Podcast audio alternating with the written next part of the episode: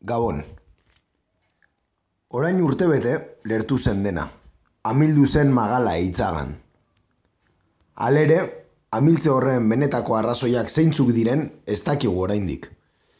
Zabor olatu erraldoiak beste horma batzuk ere zartatu zituen, barnekoak. Nire barruan eta beste askoren barruan. Zartatu zen, agintarien ganako geneukan konfiantza txiki hori. Uste genuelako, txarto ala ondo, gustatu ala gustatu ez, kargudunak gu babesteko zeudela alako ekaton belarri baten aurrean. Konturatu ginen ezetz. Ikasi dugu ez garela ezer eurendako, ez diegula ardura. Orduko hartan, inguruko biztanleok babesgabe eta abandonatuta laga gintuztelako. Inork, ganorazko argitasunik etzigun eman. Bitartean, gu nora ezean genbiltzan, ez erraditu ezin da. Ez itzultze puntu bat izan zen, eta batzuoi behingoz begiak zabaltzeko balio izan zigun. Tristea da guztia. Tristea, Alberto eta Joaquin galdu zirelako. Tristea, ondamendi ekologikoa eragin zuelako. Tristea, desamparoa bizi izan genuelako. Tristea, bertan zer dagoen ez dakigulako. Baina tristeena da gogoa arrakalatu zigunak. Zabortegiak azaleratutako sistema ustelak zartatu digula konfiantza. Hauxe, leire narbaiza arizmendik, pasaden asteko argia aldizkarian idatzitako iritzi artikuloa. Hemen hasten da gaur egur. Guten Tag, meine Damen und Herren. of Muslims entering the United States. полном основании можно сказать, знаешь что? C'est la lutte contre le terrorisme. Katea ez da eten. Agirre, garaikoetxea, leizaola. Gaur egur. Gaur egur. Gaur egur. Jolasten eta enredando.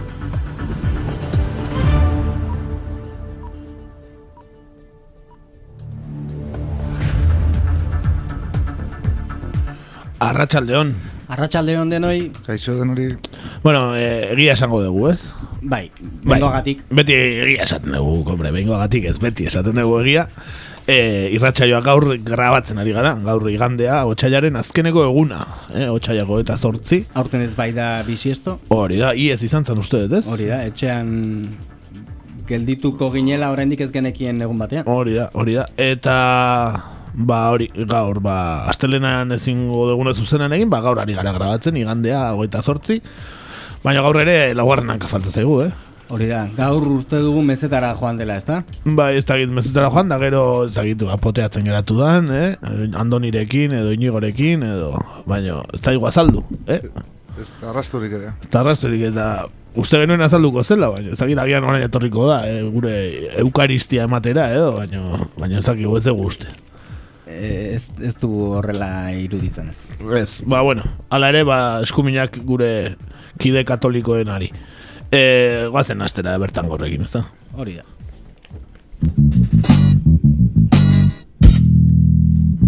Bertan gau.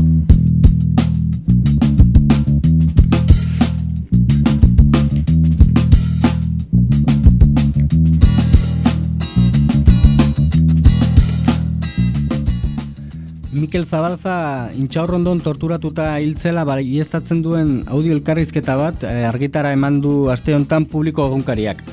Grande Marlaskak agerraldi bat egin dezan eskatu du geroa baik eta EH Bildu berriz Espainiako Kongresuan galdetuko dio Pedro Sánchezi gai honen inguruan.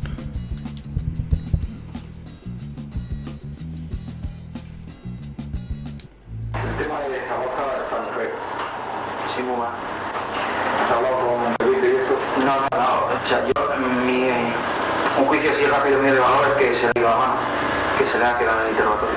¿Tú crees que, que se le murió en Inchaurrono? Sí.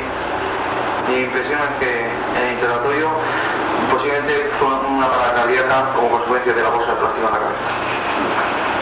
Esa es mi impresión cometido muchísimos fallos, es decir, están interrogándole habiendo en la habitación de al lado están los familiares. Yo creo que ha sido porque decía el médico que estaba mal de salud, que había tenido tres operaciones en el último año. Estaba- La hermana dice que le dio con la capucha y vamos, yo creo que yo creo se la ha quedado. A nosotros estuvo a punto de quedarse, a punto. Eh, el, Real de Guru, el jefe de los comandos que intervino en la muerte del capitán Martín Barrio. Estuvo a punto de quedarse al capitán Pintado y a. La capucha. A punto estuvo de quedarse. Es que se tragaba la capucha. No, no, es, es que llega un momento en lo que está respirando es su monóxido de carbono y entonces se está ahogando, se ahoga, se ahoga, se- o sea, los esfínteres se le abren, se- o sea, el tío se ahoga. Y encima nos está mirando, o sea, porque el- el- realmente el kit del tema ese no es que él no vea nada, porque al fin y al cabo es como si estuviera sumergido en un mundo, sino no, en la capucha debe de ser transparente para que él vea la, la vida y la sensación esa de muerte que está cogiendo.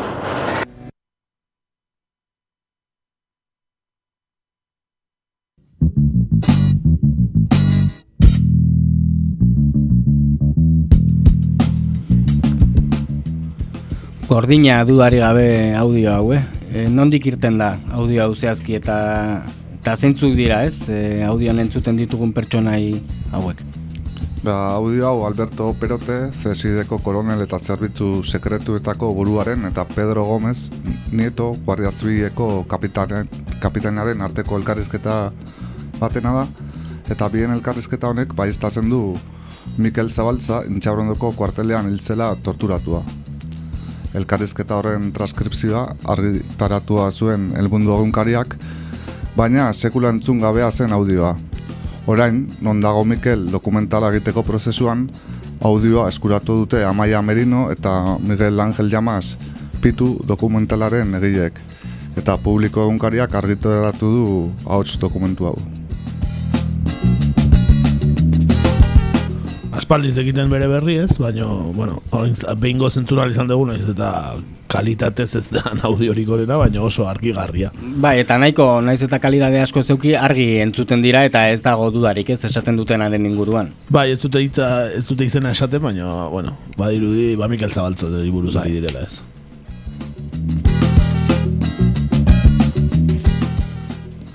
Diogun bezala benetan gordina da Alberto Perote zesid, zesideko barkatu koronel eta zerbitzu sekretuetako buruaren eta Pedro Gómez Nieto Guardia Zibileko kapitainaren arteko elkarrizketa hau, ez?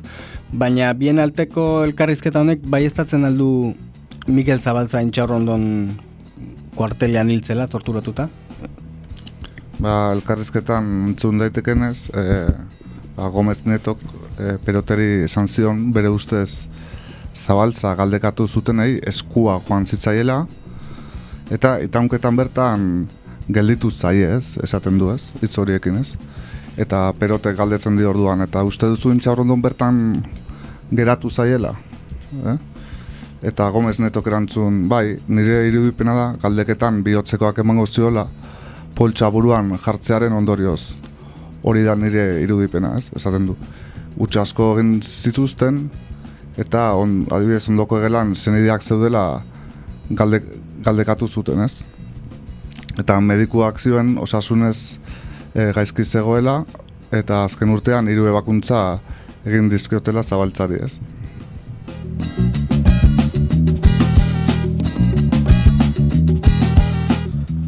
Azalpen gehiago ere ematen dizkio e, Gomez Nietok peroteri. La madrek dio kaputxarekin ikusi zuela, eta tira, nik uste dut bertan geratu zaiela. Guri ia bertan geratu zitzaigun Martin Barriosen eriotzan parte hartu zuen komandoko burua. Ia bertan geratu zitzaigun pindado kapitainari eta niri esaten du Gomez Nietok, ezta? Argi dago, behin baino gehiotan eginda zaukatela, ez? E, boltsaren kontu guzti hori. Bai, bai, bai. Eta jarraian, ba, peroteren zehaztapena, ba, baina kaputxarekin esaten du. Eta Gomez Netoren baiestapena kaputxarekin, bai. Eta momentu batean, arnazten ari dena, bere karbono monoksidoa da esaten du, eta ito egiten da, ez? E, zetasun gehiago ere eman zizkion, ez? E, tipoa begira genuen, zeren kontu horren mamia, ez baita tipoak ez duela ezer ikusten. Funtzean, puntu batean murreluta balego bezala da, bestela ez kaputxa gardena izan beharra dauka. Berak bizitza ikusi dezan, eta eriotza sentipena izan dezan. Eh, Gordin hitz egiten dute, eh? Oso, oso procedimental eta oso ohikoa balitz moduan, ez? Nola... Bai, manuala. Eh? Manuala, azkenean hori da, berai zaukate manuala, ez? Tweet batean irakurri izan dugunez bezala, azkenean ez zirenetakoak torturaren aurrean manuala zeukatenak besteak ziren nola torturatu behartzen manuala zeukatenak. Bai, bai, liburu potoloa izango zen. Bai.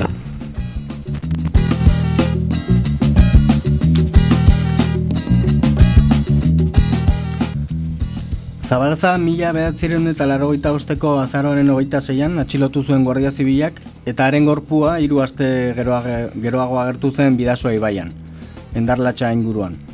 Bertsio ofizialaren arabera, Guardia Zibilek endarlatxara eraman zuten zabaltza, ustezko zulo baten bila, eta ies egin zuen, bidasoa ibaira salto eginez.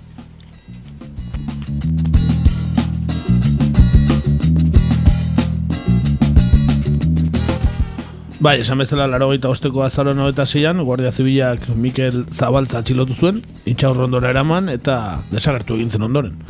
Ahendoren ama bostean, bidasoa ibaian aurkitu zuten, jakingo duzuen bezala, e, gorpua, e, ilot, eta publiko egunkaria bakarrik eskaintzen du Luis Alberto Perote, zesideko koroneloiaren eta Pedro Gómez Nieto Guardia Zibileko kapitainen arteko elkarrizketa hau, ezta? E, audio antzun duguna bertan esan bezala onartzen da zabaltza torturatura hiltzela eta esan dugun bezala ba, Miguel Ángel Llama Aspituruk eta Maia Merinok e, ba, aurreko estiralean zinema eretoetara iritsi zen ba, nongoa, non dago Mikel dokumentalerako e, egindako ikerketan ba, ba, lortu dute dokumentua eta ba, publiko ere dokumentalaren tarteko da ez dakit produktore edo eta beraiek argitaratu dute ba, justo dokumentalar eh, eh, estrenatu baino lehenago, ez? Piskat dokumentalari ere ospo emateko, ez? Promozioa egite aldera. Promozio bikaina, noski.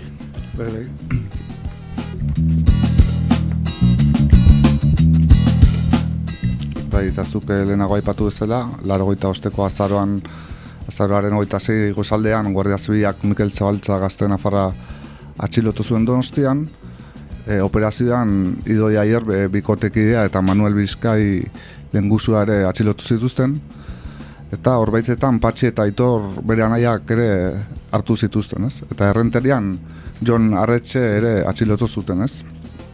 Horietako lau, e, Mikel Zabaltza, Bizkai, Idoia Ierbe eta Arretxe, intxarrondora eraman zituzten, eta lege antiterroristaren pean inkomunikatu zituzten, ez? Baina laster atera ziren aske denak, baina Mikel izan ezik, ez?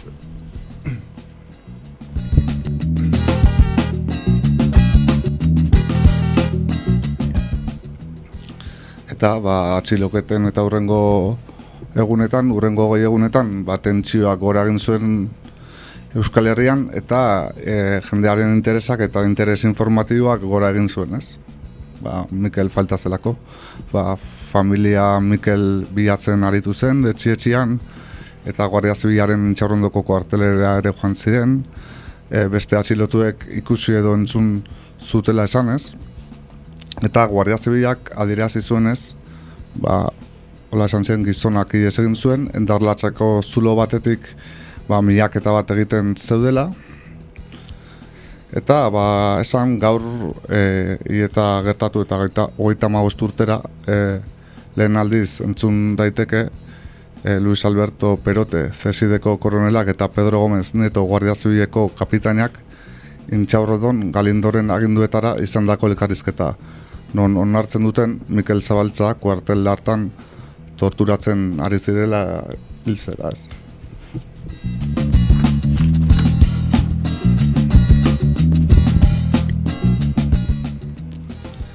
Eta Luis Alberto Perote, zesideko koroneloiaren ziegan aurkitu duriko soinu dokumentua Miguel Ángel Llamas eta Amaia Merino zuzendariek non dago Mikel dokumentalareko egindako ikerketaren parte da eta datorren ostiralean zinema aretoetara iritsiko da ipatu dezun bezala Eta ba, entzun dugu bezala, elkarrizketa horretan, ba, Perotek eta Gomez Netok adirazi zuten, ba, espioitza zerbitzuak txosten bat egin zutela gertakariak jakin erazteko eta beste enbat kontu ez.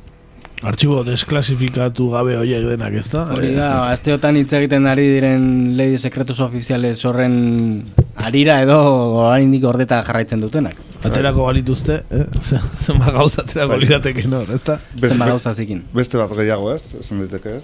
Bai, besteak beste, eh, ez dakit, X ekin hasten dan bat, ez dakit dan Xavier, o Xuban, o, o zein dan, baino jakin nahiko nuke zein dan X jaun hori. Zai asmatzeko, eh? Zai asmatzeko, bueno, bueno. Hor ere, nik uste Baltasar Garzonek ziria sartu zigula askoriz, zatik eh, X jaunaren eh, bueno, ondorio hori atera eta aste gutxi batzuetara berarekin zerrendan joan bai zen, ez? Baltasar Garzon, oza, eh, bere aldetik ere koherentzia edo maia, ez dakit. Bueno, bueno, orain eh, daukagun justizia gile nagusia gartzon, eh? ez zoin gogorritzegin bere kontra, eh? ez dago, bera, baino epaile berik. Ez da egongo gainera. Hori da, e, bueno, historia nik uste beste urteren batean ere errepasatu degula, ez? Zabaltzaren kasua, nola bere egunean ja autopsian eta esan zuten, e, ba, biriketan zeukan ura etzela bidasoa ibaikoa, ez da? E, gehiago zela iturriko ura edo, eh? Intxaurrekondoko kuarteleko iturrietako ura. Beraz, bueno, ofizialki ez, baina jendeak eta gizarteak ba, argi dauka nola hiltzen Mikel Zabaltza ez, edo, bueno, ideia bat egiten du, ez? Bai, hori duela urtetatik ona, hasieratik ona, ez? Baina beti da o, nolabait e, pozgarria horrelako dokumentuak jasotzea o, egia ofiziala ere askotan beharrezkoa delako erreparazio bat izateko, ez? Orduan, tira, e, esperantza gutxi daukat nik egia esan, e, ea honek noraino izango duen bidea, baina, bueno, nolabait eh, jende gehiagok ere jakitea Espainia mailan eta beti, beti egongo da ondo, ez? Bai, Dudari gabe, dudari gabe. Azkenean eh, froga bat gehiago da. Eta eh, bueno, froga bat baino evidentzia bat ez, esan daiteke ez. Gehiago, eta bai, honek episa bat hautsak hartu ditu, zatik eh, adibidez eh, Espainiako eh, presidente orden pa, eh, Pablo eh, Iglesiasek ere zeo esan zuen, ez? Uste dut, Uste, ez? es, estrenaldira joan zen, ez? Aurre estrenaldia intza Madriden, eta joan ziren gobernuko bize edo presidente ordea, ez da? Eta bere emaztea den eh, ministroa ere, ez? E, nola? Irene, Irene Montero. Irene Montero. Ez da, zertan berdintasun ministroa, da. Eta, bueno, ba, harrigarria ere bada, ez? E, gobernuko bikidea agertzea Mikel Zabalzari buruzko dokumental baten estrenaldira eta ez hori bakarrik eh, egileekin ere uste hitz hartu zuela Pablo Iglesiasek eta aurkezpenean ere parte hartu zuen eta Bueno, ez dakit, beraien esku zenbateraino dagoen ere egia jakiteko, ez, e, pausuak ematea, zeren gauza gobernuan egon da beste bat, e, boterea eukitzea artxibo guzti horiek argitaratzeko, ez? Hori da, beraiek behar bada jakingo dute ze zikinkeri dagoen, ez? Horratzean, baina hori argitara emateko oraindik ez dakit botera daukaten edo ez? Nik ere ez dakit, ez dakit. Zenbateraino, baina bueno, e, jendeak eh, kritikatu ere egin ditu, ez? E, bi aldetatik, noski esku, es, Espainiar eskubitik asko, eta besteak ere, ba, ez, e, pixkat postureoa ote dan, edo itxurakeria ote dan, baina, bueno, e, bintzat, aurrera pauso bat edo, ez? E, zerbait desberdina bintzat bada, ez? Bai. Bai, bestalde geroa baik eta EH Bilduk eh, Espainiako Kongresuan eh, Pedro Sánchez galdekatuko diete hauzioni buruz, eta ikusiko dugu, eaz, eh, Ba, esango dute preskribituta dagoela eta abar eta abar, ezta beti bezala. bai, edo zer, edo zer gauzarekin ateako dira, hori durari gabe, baina bueno. Esplikazioak ematera atera bar baldin bada presidentea ez da gauza gutxi, ez? Bai, zerbait Eh, bada. Bai, ikusiko bere aurreko presidenteren bat eh, gatera beharko teluken agian gehiago, ezta? Argibideak ematera. Gaur lasestan agertzen den baten bat, adibidez, ez? Ah, bai. Bai, gaur aznarri egiten omen diote elkarrezketa Ah, eta... Bueno, ni beste bat azari nintzen, eh? Bai, beste bere aurrekoa Bai, zen zaitzu zen. Felipito da. Baina hau ere ez da makal geratu, eh, bere garaian. Ez honek ere eukiko luke zer kontatua, eh? ez dakit ez dut uste laksestan gehiagi kontatuko duenik. Baina, bueno, adi ikusiko dugu, eh, edo ez, ez dakit, ez dakit, ordu hortan zertan egongo garen. Lo, segurazki. Segurazki, lo. Baina, bai, bueno, ba, kaus, kasu bat gehiago ez, eta dokumentala ba, interesgarria eta ez dakit eh, hemen gure herrietan ere noizbait estrenatzeko tan Zer- dagoen. Zerrendan ez dut ikusi, e, ikusi dute bain e, martxoan eta pirian uste dut estrenatzen dituztela herri batzuetan eta zumarragatzen azaltzen. Ez, gertuena tolosa edo lazan, ez? Iruditu zitzaidan ikusi nunen zerrenda, baino Bueno, bestela kakentzonatik egingo dugu indarra eraren batera. Ja. Saatuko, eh? ekartzen urrotxu zumarra gara, zumarra gozinera, edo, ez da? ber, a ber, hola Gustora ikusiko dugu ekartzen badute. Hori da, non dago Mikel, eh? bi naparrek egindako dokumentala. Ba, horixe, zabaltzari buruz, ez da, askotan aipatu dugun kasua, aurreko astean ere, ba, berekin atxilotzu zen Jon Arretxeren testigantzen zuen genuen galindo hiltzelako, da, beraz, eh, dena pixka lotuta, eh? Dena dator batera orain, eh, bai galindo, bai zabaltzaren kasua, eta ez dakit, agian eh, ekiz jauna zein den ere argitaratuko dute, nor daki. Nik du asko dauzkat zein den, ez dakit seguro. Nik uste dut argitaratzekotan hiltzen hil eta gero argitaratuko dutela horretik. E, ez. zeak ere, ez, e, Pili Zabala, e, e, ez, Josi, Josi Zabalaren eh, arrebak ere e, ustete ze bat daukala, ez, salaketa jarri du orain berriki Felipe González kontra, eziak deskalifikatutako papel batzun arira. Mhm. Beraz, e, bueno, agian e, atzerritik lehenago etorriko da info, benetako informazioa, ez, Espainiar Bai. gobernutik edo baino. Bai, zenbat zerrik eritan zegoen sarduta, eh? ura, ere. Eh? Eta jarraitzen du, eh, zenbat, eh, zenbat konsejo. Orain handiagotan, igual. Bai, baina adibidez, eh, otsaiak, eh, oit, eh, otsaiak ogeita iruko estatu golpearen atzean ere, zegoenetako bat bera zera ere beti izan da, ez? Eta orain ere argitaratu behar den liburu batean ere uste dut ateratzen dela, ez? Estatu gizon paregabea, eh, Bai. gure ekiz jauna. Bai, bai. bueno, ba, hortxe, eh, zabaltzaren errepasoa eginda, ba, guazen eh, nazio artera.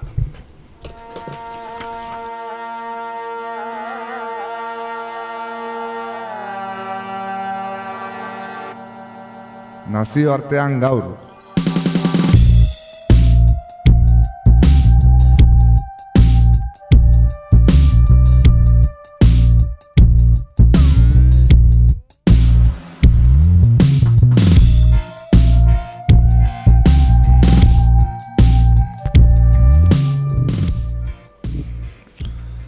Nazioarteko atalean Ekuador bizitatuko dugu, e, urte hasiera gatazkatsua izaten ari baita bertan, e, herrialde hartan, eta besteak beste presidentetzarako hauteskundeak egin direlako, ez?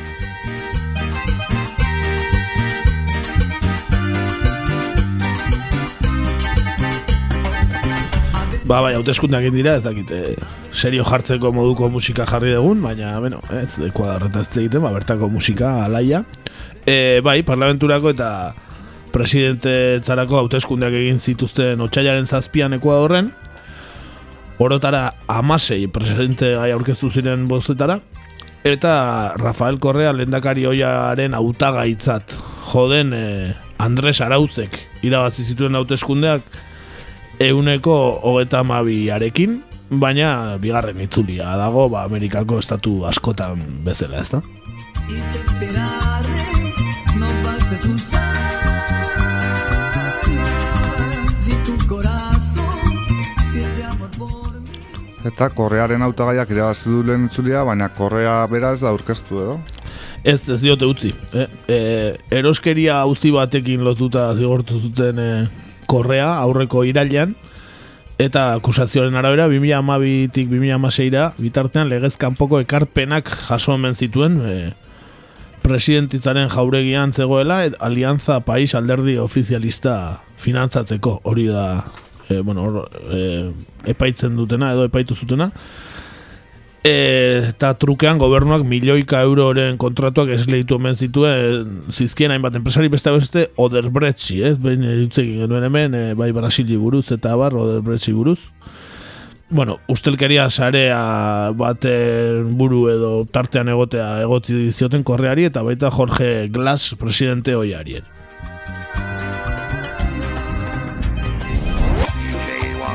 Hala ere, estatu buru hoiak, Rafael Korreak, e, bere aurkako jazarpena e, dela aipatu du eta, bueno, esan du bultzatzailea egungo presidente Lenin Moreno dela, ez? E, horrela se aipatu du Rafael Korreak.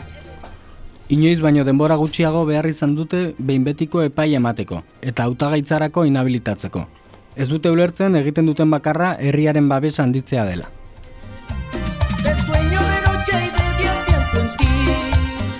Ba, bai, ez, dirudien ez, ez dakit handitu den edo ez, baina, bueno, babesa jaso dute bintzat bere aldeko hautagaitzak eta esan eh, presidente hoia korrea Belgikan bizi dela 2017tik, ez dakit Puigdemontekin gatzen da poteatzeko edo zer. baina, Behar bada, bai, eh, baina Belgikan bizi da, Belgikan festa handiak daudela dirudi, eh? E, esan urte bete lehenago ekuargo hauzitegi batekaren aurkako atxilotzea agindua eman zuela, eh? epaik eta gasi baino lehen, 2017 ba, 2016an, ez da? Eta e, ba, korreak alde egin zuela, eta ordutik e, Belgikan bizi dela, e, eta etzela gertu bere epaiketara, e, eta horregatik ba, atxilotzea agindua zegoen e, ba, mundu mailakoa edo, baina Interpolek atzera bota zuen eskaria argudiatu oinarri politikoak zeudela ba, bestelako benetako delituak baino, ez da?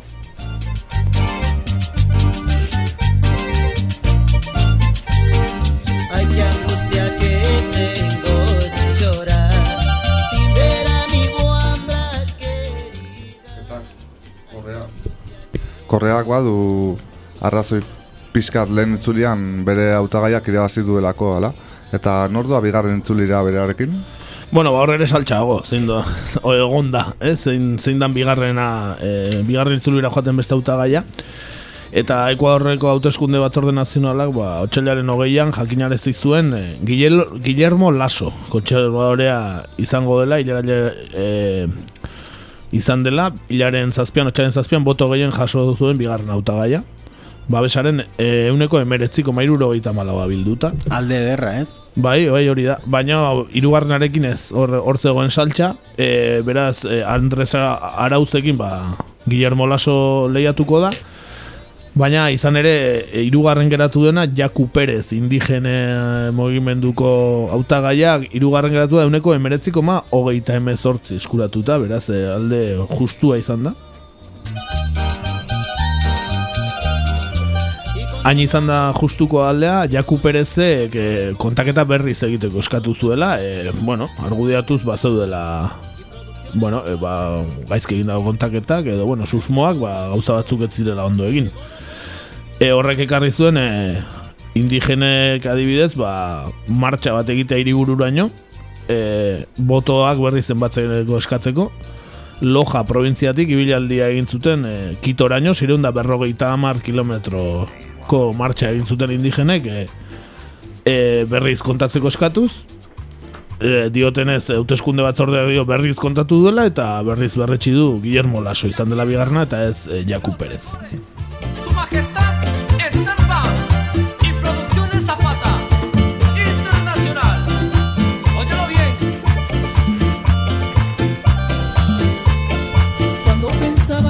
Seguru Jaku Perez eta gehiago jakiteko gogotsu geratu zaretela.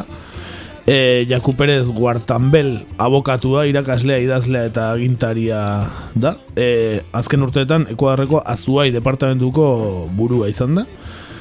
E, lehen, lehen aldia izan da indigena bat e, kargu hautagai bezala ez, presidente eta hautagai aurkeztu dena. Eta haren programaren puntu nagusia izan da uraren defentsa. Eh? Mogimendu handia onda Ekuadorren uraren alde, edo bueno, ura defenditzaren alde eta hori, batez ere e, indigenak, eta hori izan da bere programaren oinarri nagusia. E, bera izan da gaina hauteskundetako sorpresarik handiena, batez ere Ekuadorretik kanpo, baina Ekuadorren dirudienez, ba, ez hainbeste, ba, indigenek azken aldian izan duten e, mugimendu eta indarra kontutan izaten badegu.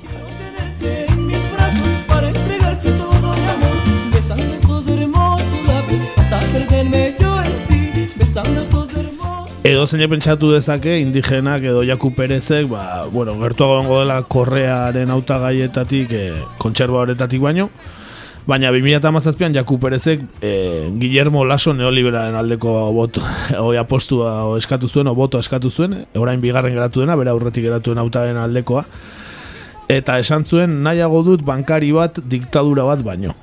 Hori esan zuen, Jaku Perezek, beraz, bueno, ba, bueno, indigena da, baina, bueno, batzuk esaten dute pixkat agian e, impostatua dela, ez, pixkat eh, hor jarri duten indigena bat indigena mugimendua zaiteko, baina, bueno, e, esan ere e, hori, e, laso abestuko zuela esan zuela, korreismoa garaitzeko, eta besteak beste, Evo Moralesen ustezko hauteskunde iruzurrura, gero Evo Morales atzerri ba, bera, e, berak ere esan zuen e, iruzur bat zela, eta eta hori dena, eh? eta estatu kolpe bat, beraz, bueno, indigena da, baina ez dakit ze punturaino oso hautagai fidegarria den Jaku Perez.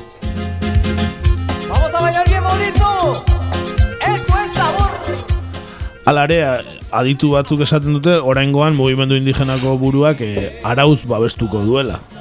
Lehen laso babestu batzuen ere, izan ere, gogoratu behar da, Lenin Morenoren bueno, agintaldi hau oso oso oso gatazkatsua izan dela eta sekulako protestak izan dira eta bueno, badirudi ba indigenak ere nahiago dutela Lenin Moreno eta bere oinordekoa e, ba kalera bidaltzea, ez? Vivo arremendos y a pedazos Sin tus besitos, sin tus abrazos Bai, egin dezagun Lenin Morenoren agintaldiaren errepaso azkar bat, beraz.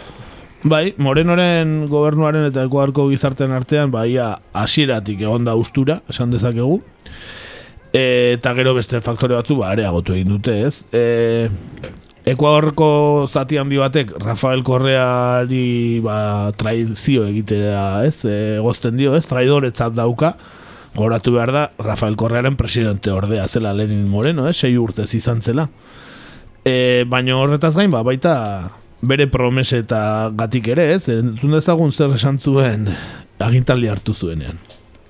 Nire agintaldiaren amaieran, nahiko nuke esan nahiko nuke esan alizatea aurren desnutrizioa desagerrazi dela. Muturreko pobreziari aurregin zaiola. Ustelkeria garaitu dela eta gazteriaren ekintzaietza sustatu dela. Ze uste zuen lortu duela, ez? Ez gehiagin. ez, ba, ez, ez, ez, uste lortu duenik, ez, ez, ez, eh, desnutrizioa desagertaraztea, ez muturreko pobrezia, ez ustelkeria garaitzea ere. Gazterian ekintzailetzarena ez dakit agian bai. E, bueno, hala ere, Morenoren agintaldian egon da mugarri bat, 2000 eta emeretziko urriaren bian, e, sortziron da laro eta iru dekretoa onartu zutenean edo paketazoa bezala ezaguntu zena, ez?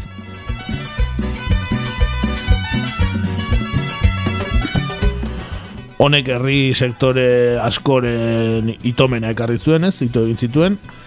E, adibidez, em, e, langile publikoen oporrako eta marro egun izatetik ama bostera igaro ziren. E, lan erreforma bat egin zuen eta kontratuak egiteko era aldatu zuen, sindikatuak ahultzera eramadan ez, e, Angro, agroindustriaren arloan lan eskubideak sontxitu ziren, erretiratzeko adina igo zuen, eta abar, eta abar, beraz, e, bueno, oso neurri popularrak ez.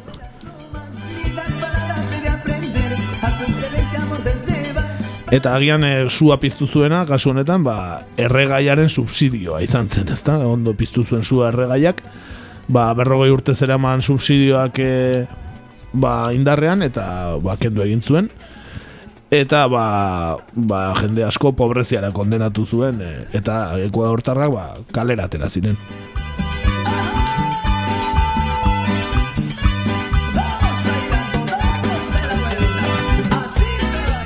Horri gehitzen badiogu, gainera, e, enpresa handiei lau mila bostu milioi dolarreko zergak barkatu dizkiela, ba, pentsa ezakegu herritarrak ez zeudela morenorekin oso kontentu, ez da?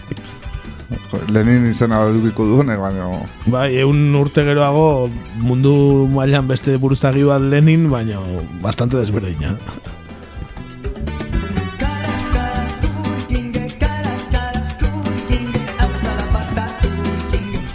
Hortaz gain, e, nazioartean izan duen politika ere esanguratsua izan da. E, estatu batuak egin lerratu da era bat, e, Galapago irlak e, eman ditu, alde batetik, e, zirenak. E, estatu batuek base militar bat ezartzeko bertan, e, Galapagoetan ere. E, Venezuelarekin kristoren e, gatazkak izan ditu baita ere, ezta? Madurorekin eta e, Unasur desegiten ere aktibo ibili zen, ezta? E, estatu, bueno, Amerika, Ego Amerikako estatuen ba, batera, batasuna edo, ez, UNASUR, eta beste bat sortu zuten prosur, ez, gehiago, estatu batuekin lerratuagoa, eta hor ere parte hartu zuen Macrirekin, Piñeirarekin, Bolsonarekin, edo Iban Dukerekin, besteak beste, ez, gure Leninek.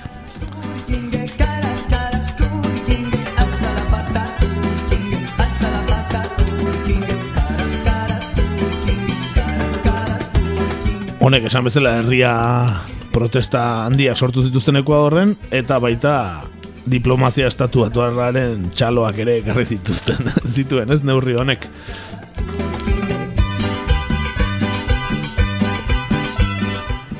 nazioartean eh, beste kontu bat oihartzun handia izan zuena Lenin Morenoren e, agintaldiotan eo izan duena ba, Assange babesak entzutiola ez Julian Assange e, ba, bere Londreseko enbajadatik e, azkenean bidali egin zuen ezta eta bueno, ba hori ere ba, Leninek egin du eh?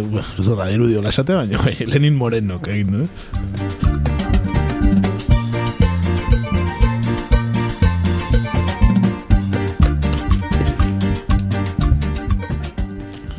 Eta lehen aipaturiko indigenek ere protesta gogorak egin dituzte Leninen kontra dara.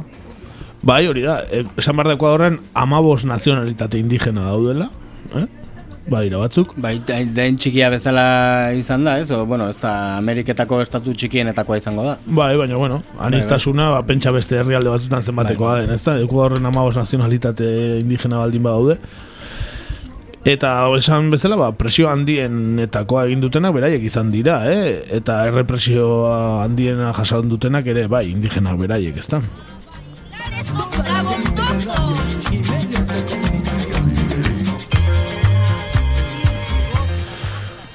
Deskalifikazio handiak ere jasan dituzte, ez da? Eba, burgesia kreoliak, ba, bueno, arrazismoa agerian utzi du, beraien arrazismoa, eta, bueno, eia erreporteria agortu arte, ba, erabili dituzte, ba, ba danetik ez, arrotzak direla, e, itzuli daitezela beraien e, ba, landa ere muetara, eta danetik esan diete, ez da?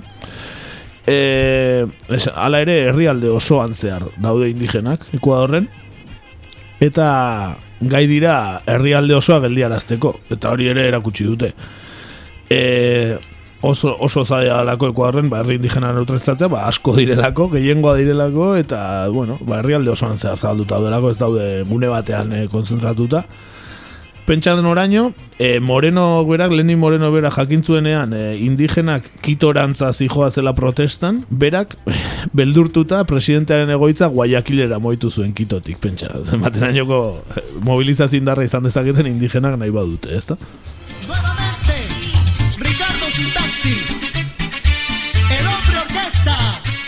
Lenin eh, Morenoren agintaldiarekin bukatzeko goratu ba, koronavirusa ere izan duela, noski. E, ez berak berak ez dakit, baina herriak eh, pairatu du koronavirusa. Eta, bueno, neurriak ez dira oso eraginkorrak izan, eta pandemiaren lehenengo hilabetetan e, ikusi izan genituen e, hildakoak kalean, ez? Kalean pilatuta, eh? Beraz, e, bueno, guzti horrek ere ekarri du, ba, bueno, ba, Ekuadorreko herria, ba, Lenin Morenorekin, ba, bat ere kontentu ez egote, eh?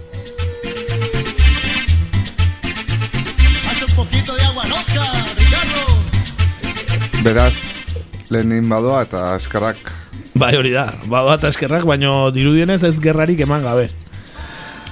E, izan ere, lehen itzulian gehien bozkatutako hautagaiak Andres Arauzek, Ekuadorretko eta Washingtongo indar erre, erreakzionarei haidi egoteko deia egin du.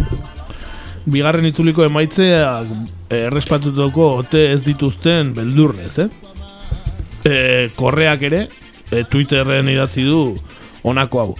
Arreta Latinoamerikarrok eta mundua. Ekuadorren estatu golpe bat jasan dezake berriro. Fiskaltzak hauteskunde kontseilu nazionaleko ordenagailuak eramaten saiatzen ari da. Emaitzak ez aldarrikatzeko eta e, itzulera, korreismoaren itzulera eragozteko. Me quiero emborrachar. Beraz, adi jarraitu beharko dugu, zer gertatzen den e, urrengo itzulirako, eh? Zanik, ez dago argi zer gertatuko dan benetan.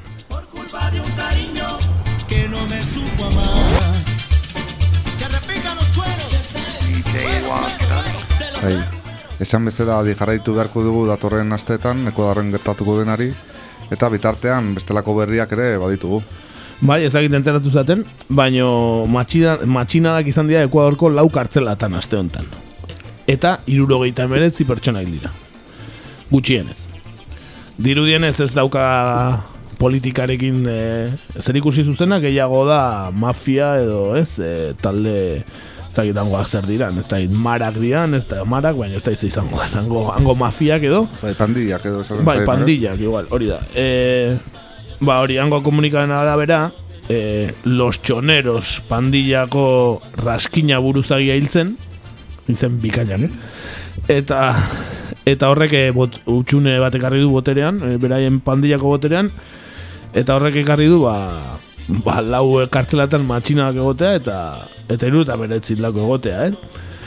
E, ala ere esan zuten aurreko ostegunean ja kontrolpean zutela egoera eta ba hori e, lau kartzela ba dira Azuia, Guayas bueno, jo dira bi lako gehiena duena goita malau eta goita maika Beraz, e, bueno, danetariko berriak Ekuador e, bero dagoela alde guztitatik dirudi, eh? Eta ez Ekuadorrean egoteatik bakarrik, eh? Beti ingo dula bero, baino. Baina bai, bai, irudi gogor datorrela.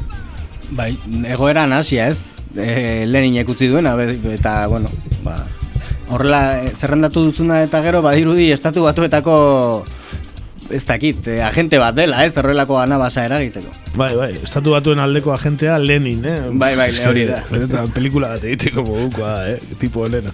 Gogoratu, bueno, anekdota bezala, baina eh, aulkidu, erruedadun aulkian ibiltzen dela, Lenin, eh? Ni garritu nintzelako lehenengo aldiz ikusi nuen ene- enekin. Baina, bueno, anekdota gisa. Ba, hori, eh, erruen gainean jungo da jalera ere, dirudienez. Eh, Ekuador, ba, ikusiko dugu, aprilaren amaikan dira, eh, bueltakoak, ikusiko dugu. Bai, iruzur edo es- estatu kolpe itxura guztia dauka, eh? Egoeran. Bai, denetik gerta daiteke. Ikusiko dugu. Zaren, eh, bueno, korreismoa bueltatzen bada, agian korrea ere bueltatuko da. Baki den, eh? Gure Rusia Todayeko kazetari fina, ez da? Horre batzeukan programa bat ere, ez? Elkarrizketekin, eta abar. Benetan kuriosoa, baina, bueno. Ba, hori xe, Ekuadorrek eh, utzi diguna. Abestitxo bat eh, jarriko dugu pixka deskantzatzeko. Entzuten ari garen kumbiaren antzekoa, Los Destellos entzungo dugu, Guajira psikodelika.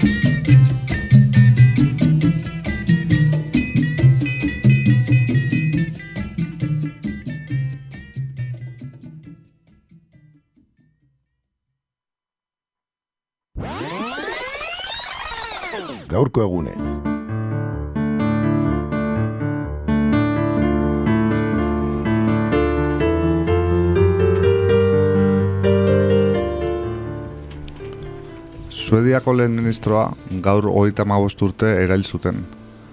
Urteetan zehar, herrialdea traumatizatu zuen eriotzak eta aurreko urtera arte ez zuten kasua artxibatu.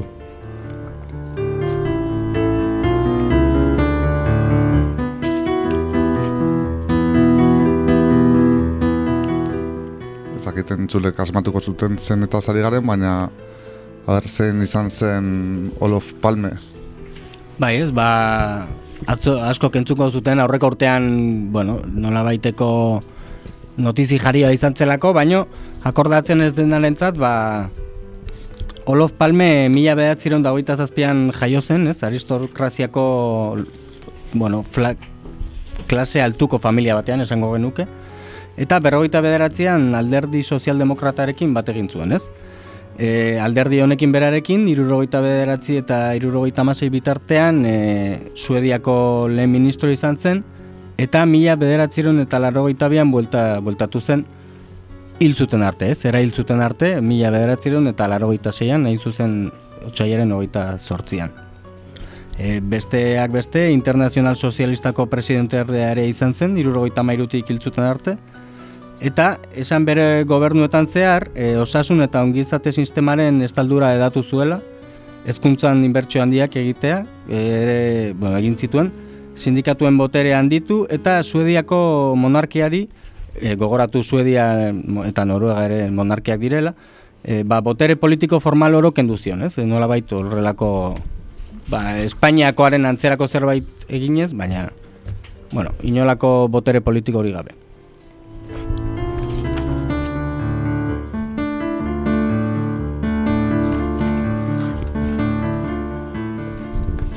Eta maila internazionalean ere zen izan zen bere papera? Bueno, ba, Palme nazioartean nolabait balore aurrerakoiak defendatzeagatik e, nabarmendu omentzen. E, adibidez, irurogeita sortziko Txekoslovakiako inbasioari kritika gogor bat egin zion, e, Sovietarren aldetik, baina aldi berean Ameriketako estatu batuek Vietnamen egindako bombardeakeateak ere zalantzan jarri zituen, ez? E, nolabait hauekin bigarren mundu gerran konzentrazio esparruekin alderaketa bat egin zuen, ez? E, Vietnamen estatu batu harrek egiten zuten eta naziek egiten zutenarekin e, bueno, e, konparazio hori eginez, eta honek, ba, Washingtonek ez zuen, bueno, ba, ez zen begi honez ikusia izan, eta aldebiko harremanak austea erabaki zuten, bueno, laburri ekarri zuen, ez? Ez denbora baterako. Ta tira, berak zionez, e, ez zen damutzen, mundu honetan nahikoa ozen hitz egin behar zelako norbaitek entzun diezazun. Ez nahi zixirik egoten gai honetan. Hori esan ziren The New York Times egunkariari, nolabait bere papera ba, bueno, e, defendatzen, ez?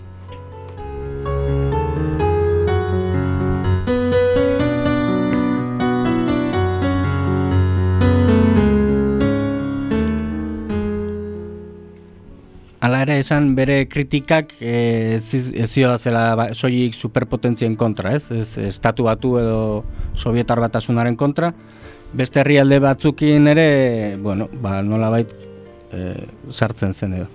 E, Ego Afrikako apartheid erregimena adibidez, e, arrasistatzaz jotzen zuten e, irekiki. Eta Nelson Mandelaren Afrikako Kongresu Nazionala, zenea sigle bidez ezaguna, ba, finantziatu egiten zuen, ez, irekiki. Osea, e, presupostuen bidez. E, eta hemen, hemengo Francisco Francoren erregimen fascista, ba, Espainie bertakoi e, malditos asesinos, ez? Deitu ziren horrelako hitzekin. Eta, bueno, e, arma nuklearren ugaltzearen kontrako, bueno, ba, defentsa ere, osea, ugaltzearen kontrako defentsa egiten zuen. Eta nolabait e, tipo aurrerako ja, ez? E, Olof Palmeo bai bere garairako aurrerako ja eta bueno, e, txintxeta on bat beste askorentzat, ezta? Bai, hori da. E, ba ezen hola nola bait e, edo maitatzen duzu edo gorrotatzen duzu, ez? Ez, ez zaizu pasatzen hola e, eta ez dakit. Tipo interesgarria bintzat.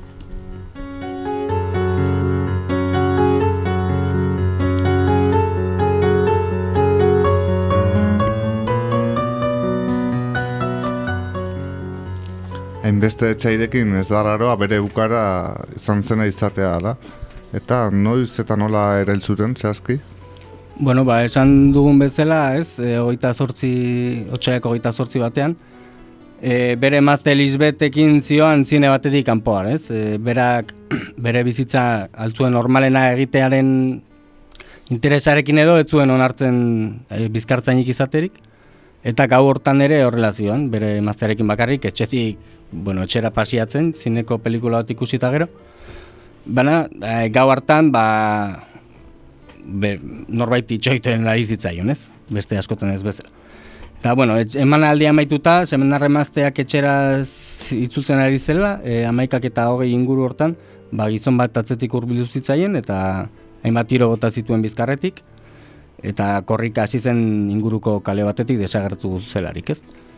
E, bere emaztearekin zegoen arren, e, eta dozenaka lekuko ere inguruan zeuden arren, e, ez zen inoiz errudun aurkitu, eta esan dugun bezala, ba, bueno, hai- hainbat amarkadatan e, erailtzaia edo norrote zen, ba, suediak ezin izan du argitu aurreko urtera arte, ez? E, aurreko urtean artxibatu zuten kasua, baina e, urte hauen bitartean, ba, sekulako pentsa dezakezu, ez? E, teoria ugari eta zenbat e, e, etxai zituen kontutan hartuta, ba, halako teoria inbeste sortu dira, ez? Teoria konspiranoikoak, ez da, batzuk. Asko eta asko bai, noski.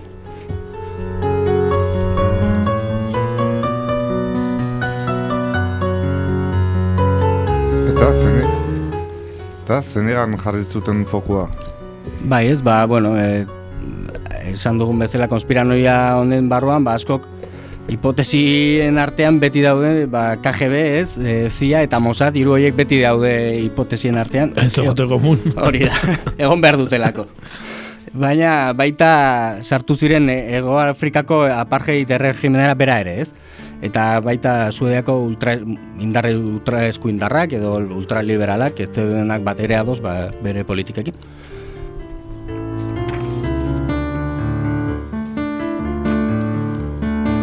Uste nun eta esan martzen nula. Ja. Ba, igual egongo zan, eh? Bate. Batek batek igual argitara ukotzu, eh?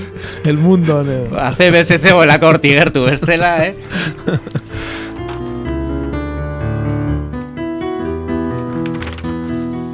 Hala ere, hiru teoria nagusi garai, garai, garaietu ziren e, poliziaren artean, ez? E, lehenengoa zan, e, bueno, poliziaren artean zabalduen zegoen hipotesia esan genezake eta PKK, e, kurduen taldeak, e, nolabait e, eragin zuela izan zen. Hau zeatik, ba, Olof Palmeik dena ez zuen ona hori esen behar dugu ere.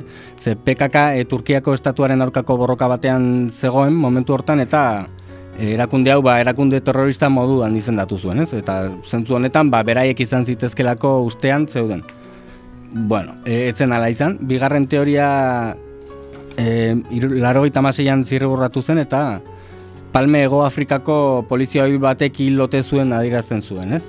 E, apartheidaren aurkako salaketengatik eta mandenaren zenea emandako ba, babesagatik.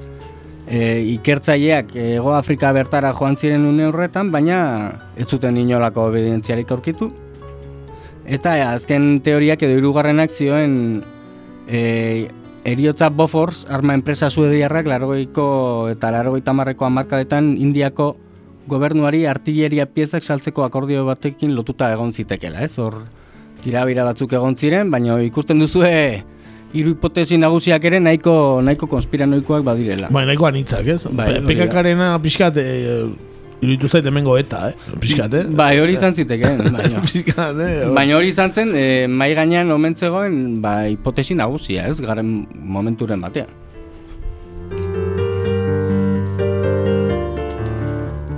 Orduan edo PKK, edo e, polizia rasista ego afrikar bat, ez? Edo, Edo arma enpresa arma suediar bat. enpresa bate kontratutako mertzenarioren bat. Hori da.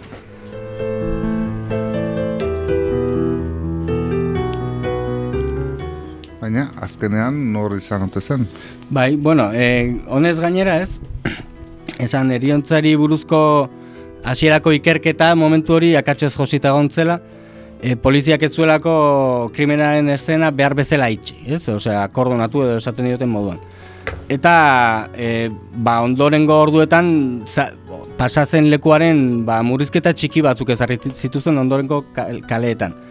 E, hain ziren aulak, segurtasun neurriak, ezen pertsona batzuk, polizia ezia bera zeharkatu eta gorpua egon zen edo zegoen e, odola zegoen lekuraino hurbildu eta loreak uzten zituzten, ez?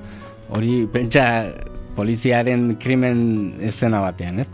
Eta bueno, e, lekukoi galdeketa egin aurretik alde egiten utzi zieten eta ezi, ezin izan zuten krimenaren aztarnari berreskuratu langileek e, Suedian e, elurra egiten baitu, elurrak kendu zutelako beraiek iritsi baino lehen.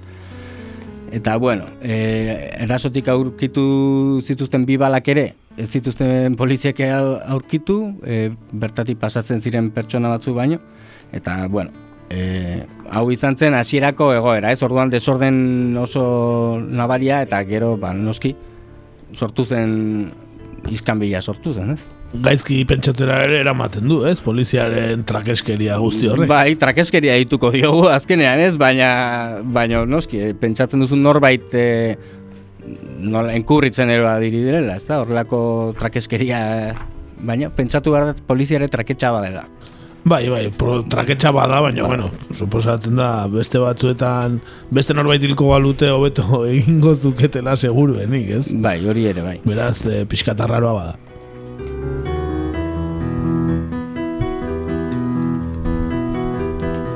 Bueno, eta argituko diguzu misterio jokua? Bai, bai, bueno, da, dagoeneko batzu jakingo duzu irakurri duzulako, ez? Baina, bueno, argitu baino lehen, azkeneko datua, e, laroita sortzian, Kristen Peterson atxilotu zuten, drogazale, ba, jonki bat, ez? Hor, bai, besterik gabe, eta haren itxura fisikoa antza bat zetorrelako, ba, palme zuen susmagarritik.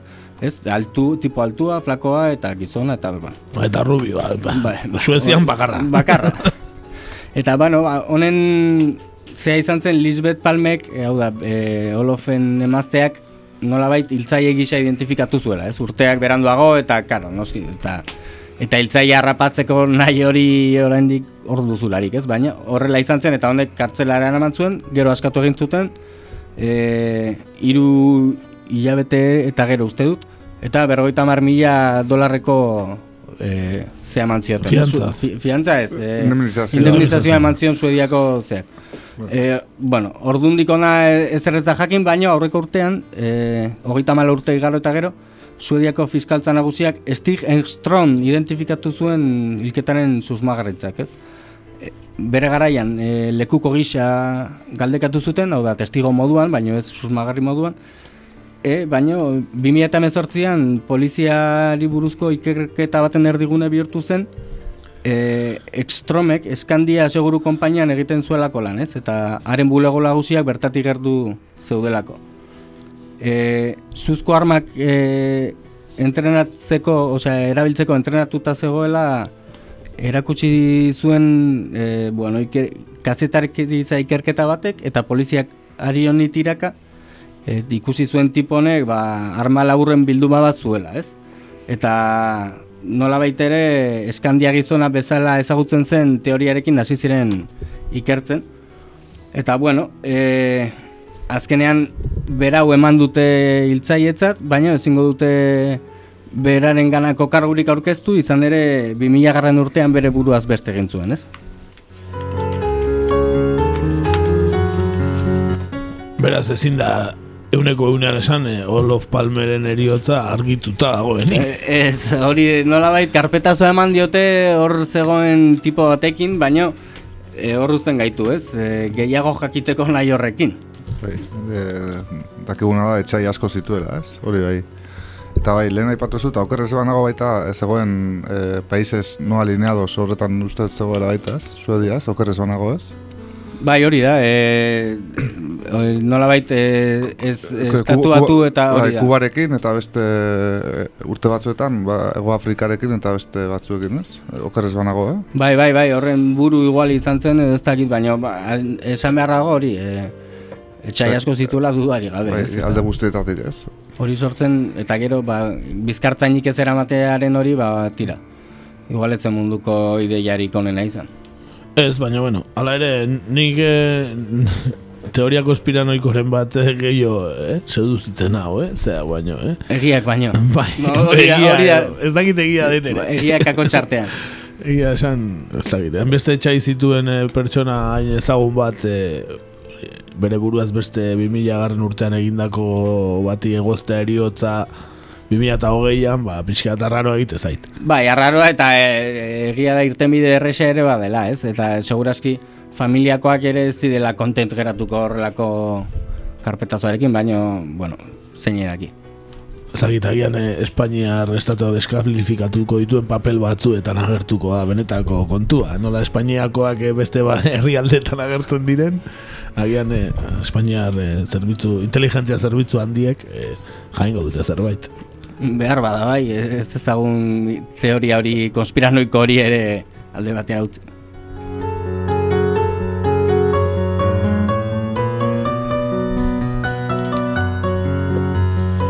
Beno, ba, onaino Olof Palmeri errepasoa, e, abestitxo bat jarriko dugu, Bai, Olof Palme gogoratuz ez, bertako pertsonaia beste pertsonaia famatu batekin konparatzen edo, bueno, nei Santa Claus datorkit burura, ez? Abestia bai, entzuten? oso abesti kuriosoa atopojat taldea aurkitu dugu interneten eh, Olof Palme eh, izeneko abesti bat daukana nahiko kuriosoa da beraz eh, entzun dezagun zatik bai, igual gabonetako abesti bat gehiago dirudi eh, benetakoa baino ez da Guazen Olof Palme gick på mut strax efter tio. tra la la la la la la la Skottet brann, blodet rann. Olof Palme han försvann. Olof Palme gick på bio. tra la la la la la la la Lisbeth så pistolen blänk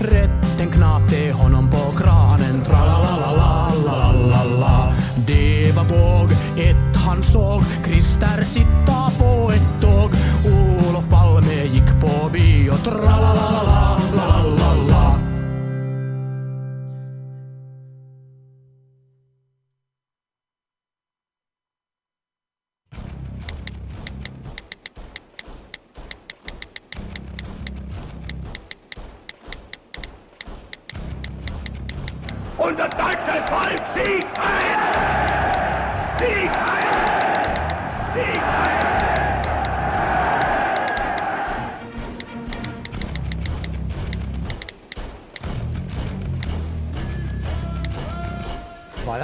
SSA. Sare egur.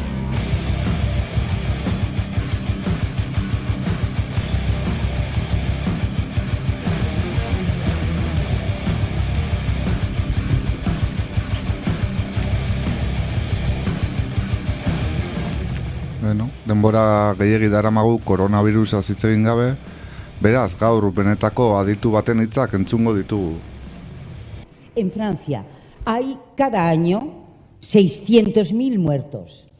La- eh, el COVID, la primera epidemia, fueron 30.000 muertos, confinados y sin mascarillas, 30.000. La segunda, 30.000 muertos, confinados y con mascarillas. Y la tercera, confinados con vacuna, vamos a, vamos a tener 40.000 Pero es muertos. que, Victoria, te vamos a tener que dar un los muertos de COVID, corona- no, perdona, los muertos de COVID no son ni el 10% de los muertos totales del año. Por ejemplo, en, En España Francia, no, ¿eh? de cáncer, Sí, en España no, porque hay menos gente, es otra cosa. En España, en Francia, de cáncer, 300.000 al año.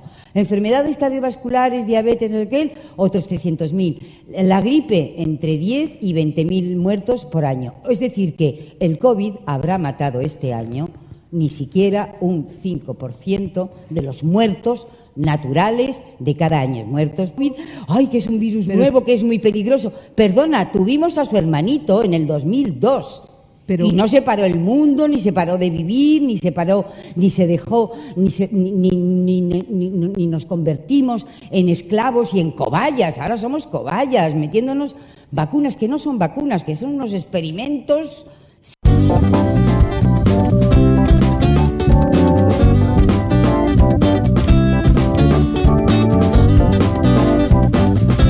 Bueno, ez bazate enterau, ba, galdetuko duzue zeinotean epidemiologo jakintxu hau, ez da?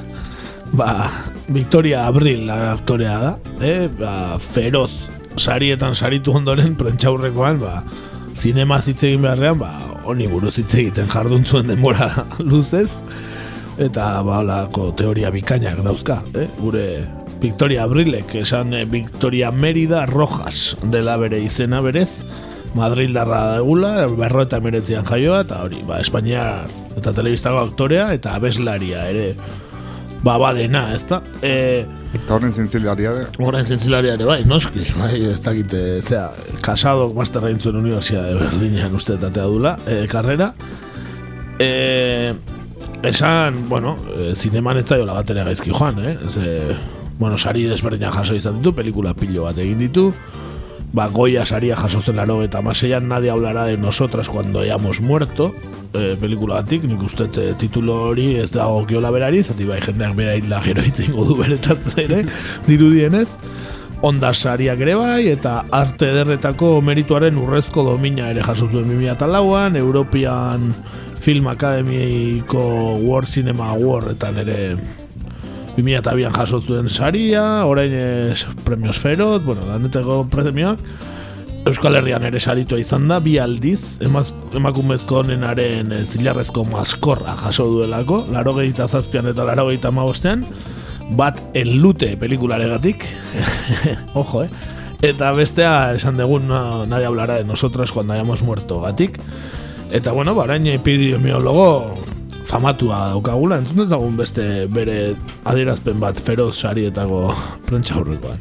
Estos que empezaron en, en diciembre, esos, los que han vacunado antes y más, tienen más variantes, más eh, contagiosas, más enfermos, más PCRs positivos y más muertos. O sea que no me digáis que es la solución, porque de momento no es la solución. La solución, la solución es, mm, Es volver a la, claro. a la inmunidad colectiva. Si nosotros Como ha hecho precisamente Suecia, lo que, que no vimos- ha confinado, que no pone máscaras, ¿qué ha hecho Suecia? Pero y si ha no- tenido los mismos muertos que nosotros. Logatxo Suezia, eh? Olof Palme. Olof Palme hil. bai, ba, ba, Logatxo Suezia, Suediar gobernuak bera gaskatu dela barkamena, hartu zituzten neurriak ez zirelako egokiak, baina, bueno, Victoria Abril eh, dirudienez, ba, uste du baietz. Nahi duena ikusten duenak, nahi duena ikusten du bakarrik. Ba, izati gehiago zituen, ez ditugu ekarri, baina ba hori, e, itzaltzeko telebista eta informatzeko interneteko foro zientifikoetan, hala dio, berak. Ikusi behar zentzuk dien foroa. bai, Miguel Boserenak edo, uste diala. Baina, bai, e, benetan kuriosoa, eh, Victoria Abrilena, ba, azkenean, bakoitza bere iritzia dauka, baina, ba, ba daukanak ez, e, publikoki ezagunaenak eta oi hartzuna daukanak behar esaten da, ba, pixkat, Agian, ez dakit, gehiago informatu, bueno, berak esango du oso informatuta dagoela, ezta? Datuak badauzka. Bai, be, datuak eduki edukiko ditu, baino, bai, argi dago batzuetan ba, norberaren iritzia zer norbaiteko erre, errelevantzia izango badute, ba, pixka bat isiltzea ere komeni dela, ez? Bai, bai, bueno, berak dirudienez, bauka informazioa, ez da asko daki. Egia daki. Egia daki hori da, egia daki. Beno, ba, noski, saretan izugarrizko ba, rabotxa sortu du guzti honek, bai Espainian, bai Frantzian, zeren bea Frantzian bizi da, eta adibide modura gaina Frantzian estatu erabiltzen du. E, bueno, bueno, saretan danetik dagoenez, beste batzuk ere, ba, ez batzuentzat Victoria eroi berria da, eh? Bengoz begia esaten duen pertsona bat, eh, zurekin gaude Victoria, eta gize, bueno, horrelakoak ere badaude, noski, nola ez. Beraz, eh, bauka publiko berri bat Victoriak. Esan behar da, honetaz gain, ba, komunikabidetan ere, ba, oi hartzun handia izan duela, e, eta, bueno, ba, komunikabidek, ba, audientzia ematen duela jakitu horrelako gauzak, ez? Ezagun bat horrelako astakeriak esaten, Bueno, bat, toki desberdintan entrevistatu, entrevistatu dute, besteak beste, ba, e, atzo larun bat gauean, la sexta noche bak izue programa ez, nola, Iñaki, nola? Iñaki... Bai, eh, lehen ETV-en lan egiten López, zuen. Iñaki López. Bilbotarra, eh? benetan Bilbotar petoa. Eh, hor aurkezle modua da- dagoena, ba, ba, bertan zuzena entrevistatu zuten. Eta, claro, kuriosoa, zatik, tertulia bat ditute, igual ordu betekoa, eh, epidemiologo, doktore, mediku eta abarrekin koronavirusaren datuak emanez, eta gero Victoria Abril eh, entrevistatzen dute, ez da, orduan, eh? ez? Bat eta bestea, eh? Galdeta kontra. Bai, lasestaren estilo puru-purua. Bai, hori da, datanei hotxa ematen dien eh, kate hori, ez da. bueno, gu baino beto azalduko du, eh, azaldu du adibidez, eh, gaur argitaratu du igandean, Gerardo Tezek, eh, Contexto y Acción eh, web horrian, ez? ZXT, ez dakit ikusi zuen izbet. Hora, Atari digitalean, ba, on, la sexta noche, cuando lo responsable tiene premio, artikuluan eta zatitxo bat ekarri dugu. Lo peor de Victoria Abril no es el daño que puedan hacer sus declaraciones negando un problema que necesita precisamente de conocimiento, conciencia y compromiso so- social para ser resuelto. Probablemente el impacto sanitario que tenga la opinión científica de Victoria Abril sea mínimo. Lo peor de Victoria Abril no es Victoria Abril, sino el oficio del periodismo yonki que le da altavoz a irresponsabilidades como la suya. Tras sus declaraciones negando una pandemia mundial que cuesta vidas y pobreza, la sexta noche se lanzó a entrevistarla sin pudor el sábado 27. Con esa doble moral tan habitual consistente en querer ser, al mismo tiempo, periodista y vendedor de mercancía barata en mal estado a cambio de unos gramos de share. Miren ustedes qué barbaridades dice. Mírenla después de la publicidad. Ba, nik uste nahiko argi uzten duela, ez? eh? Kate hauek egiten dutena, ez da? Eh? Haulako pertsona batek olakoak esate ditunean hartu, erridikulu izatzeko, baino altaboz bezala erabili, eta gehiengoak edo jende askok ez dio eh, sinistuko edo ez dio kaso egingo, ez da? Baino, baina batzu sinistuko duten. Bai, beti, beti geratuko da zerbait, ez? E, azkenean, zuk altaboza ematen badiozu, ba, zen, osea, hori da. Eta oso argi esaten du, ez? Xare gramo batzuen kontura, ba, zer egiten dugun. Ikusleak ere behar luke bere, bueno, kriterioa eduki, ez? Horrelako gauzak alde batera eta kentzeko, ez? Baina, e, egotzi dakioke noski lasestari erantzukizuna ere, bai. Bai, baina, bueno, azken esaldia oso ona da, ez da, behitu ze astakeriak esatitu, baina behitu publizitatzen ondoren. hori, hori bikaina da, ja, eske horrela jokatzen dute. Bueno, ba, ez da, lehenengoa ez da azkena, eh, horrelakoak, eh, Espainiarrak aipatzeatik, Miguel Bose, eh, Enrique Bumburik ere esan zituen horrelako astakeria batzuk, eh, ez dakit besteren bat ere bago, baina, bueno, baudela, eh, azkenean, eh, bueno, antibakuna gauden bezala, antimaskarilla, danetik ez, eh, Covidaren aurkakoak, dana pandemia dela diotenak, bueno, ba, horrelakoak ere badaude, eh, eta gure irratxagan ongi etorria egia esan, atalontarako bai. Bai, hori da. Atalontatik kanpo ez zain beste. Baina antalontan egiteko horrelako deklarazioak. Bueno, besarka bat, be, Victoria Abrilei. Bueno, ba, onaino, besterik ez baukazue. Hori da, igande atipiko honetan ez? Estelena ez den igande honetan? Hori da, ezin izan dugu pelota parteo ikusi, baina, bueno, zein diogu, ba, eh? Ziklismoa bintzat ikusi dugu, ez? Hori da, hori da, hori da. Eta futbola, ez dakik gaur futbolik zegoen, hori ez dugu ikusi, baina, bueno, futbola egon gozan. Zein jokatzen zuen, ez dakik. Igandia izan da. futbola egon gozan.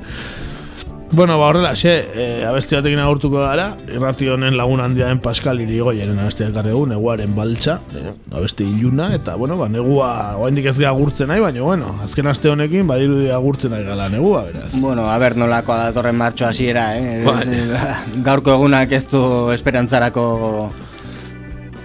ar, ze argi gehiegi ematen. Ez, baina, bueno, Bestela udaberrian ere izango dugu negua, jakizu, ez dira daki. Bueno, ba, hori xe, eh, abesti horrekin utzi dut eta, bueno, eh, datorren astean eh, zuzenean gauden, astelenean, ez dakigu iru, lau, ez dakigu ezer, bi, bi, bat bakarrik, ordu terdizketan, ez dira daki. Bueno, ba, hoxe, agur bero bat. Aste hona pasaden hori. Aio.